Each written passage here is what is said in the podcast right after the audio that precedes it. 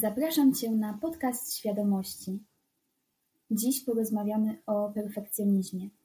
Właśnie dlatego nagranie, które usłyszysz, nie zostanie w żaden sposób edytowane czy szczególnie przycinane. Zdecydowałam się poruszyć ten temat, bowiem przez dłuższy czas zaczęłam zauważać u siebie samej, że perfekcjonizm stał się dla mnie blokadą. Stał się czymś, co hamuje moje działanie, co hamuje ten przepływ i taką swobodę bycia, życia, tworzenia. Stał się dla mnie również taką klatką. Klatką formy, którą tak naprawdę ustanawiam sobie ja sama. Ja sama zaczynam mieć wobec siebie bardzo duże oczekiwania, chęć tego, by to, co tworzę, mówię, robię, tym, kim jestem w danej roli, było perfekcyjnym, że blokuję się, zamykam. Zamykam się na wszystko, co moje ego mogłoby uznać za nieperfekcyjne i niegodne istnienia. Mam też wrażenie, że za chęcią bycia perfekcyjnym, perfekcyjną stoi iluzja, złuda tego, że, że coś nieperfekcyjnego nie będzie wystarczającym, nie będzie wartościowe, że nieperfekcyjne znaczy złe. Myślałam nad tym i doszłam do takiego wniosku, że to niezasadne. To znaczy, przez to, że każdy z nas, każda z osób ma zupełnie różną wizję na to, co znaczy być, bycie perfekcyjnym, perfekcyjną, co znaczy mm, jakaś perfekcyjna rzecz. Dla każdego z nas ta definicja tego słowa już jest różna. Dlatego też uznawanie, że jeżeli coś dla mnie nie jest perfekcyjne, to nie jest też dla ciebie i odwrotnie, jest niesłuszne i wynika przede wszystkim z wewnętrznych blokad. To narzucanie na siebie też takiej presji perfekcjonizmu sprawia też, że stajemy się osobami sfrustrowanymi. Dzieje się tak, kiedy nasza wizja, oczekiwania względem jakiejś rzeczy, jakiejś roli, sytuacji czy nas samych nie zostają spełnione. Jeżeli coś dzieje się inaczej niż po naszej myśli, my wówczas stajemy się sfrustrowani. Jesteśmy zawiedzeni samymi sobą. Czujemy się zniechęceni i, i budzi się w nas złość. Złość i poczucie tego, że, że zawiedliśmy, że nie jesteśmy wystarczający. Co w efekcie zaś sprawia, że nie chcemy już więcej robić, czegoś tworzyć, być gdzieś jacyś jakimiś, skoro nie jesteśmy czy nie robimy tego perfekcyjnie. Bardzo często też perfekcjonizm związany jest z prokrastynacją.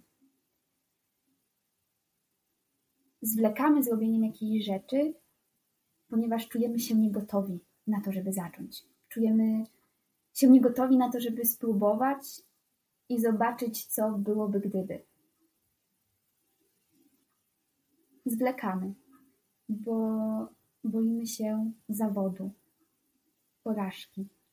Ja przyznam szczerze, że osobiście bardzo nie lubię słowa porażka, bo też nie do końca wiem, co ono znaczy. Określenie porażka jest dla mnie niezrozumiałe między innymi dlatego, że to my sami nadajemy jakimś zdarzeniom tę wartość, tę wagę, wagę porażki. Ja zazwyczaj patrzę na doświadczenia w kategoriach lekcji. Tak pozytywnych, jak negatywnych, a może bardziej po prostu trudniejszych dla mnie, ale lekcji. Nie porażek. Porażka wartościuje, porażka ocenia. W społecznym odbiorze sprawia, że czujemy się gorzej, czujemy się gorsi od kogoś. Tak więc, jeżeli chodzi o prokrastynację, która wynika z lęku przed niebyciem perfekcyjnym, perfekcyjną, to myślę, że nie warto. I też chciałabym podkreślić, że te słowa, które teraz kieruję do Ciebie, kieruję również do siebie, bo wszystko to wydaje mi się być naszym wspólnym doświadczeniem i naszą wspólną świadomością.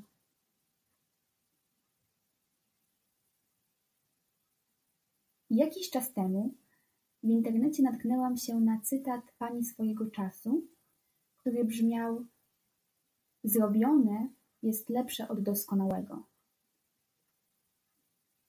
Przyznam szczerze, że coraz bardziej zaczynam rezonować z tym zdaniem. Doskonałość, perfekcja to tylko jakiś koncept, jakaś złuda, hamująca nas przed robieniem ważnych, małych kroków. Bo to tak naprawdę te małe kroki, małe zmiany, małe decyzje w efekcie zmieniają całe nasze życie. Jeżeli ty czy ja pójdziemy dziś na siłownię, pójdziemy jutro i za trzy dni nie zobaczymy w lustrze zmiany. Ta zmiana przyjdzie, jeżeli pójdziemy tam trzysetny, trzytysięczny raz. Rezultaty pojawią się, kiedy jakaś mała czynność wykonywana będzie konsekwentnie i regularnie. Pozostając przy metaforze siłowni, jeżeli ktoś z nas zdecydowałby się na jednorazowy, wielogodzinny, doskonały trening, wykonany na w pełni wyposażonej siłowni, w super dostosowanym stroju wraz z trenerem personalnym, ale wykonalibyśmy go wyłącznie raz, on nic nie zmieni skali makro nie będzie miał znaczenia. Bo to właśnie małe, niedoskonałe kroki przynoszą nam znaczące efekty.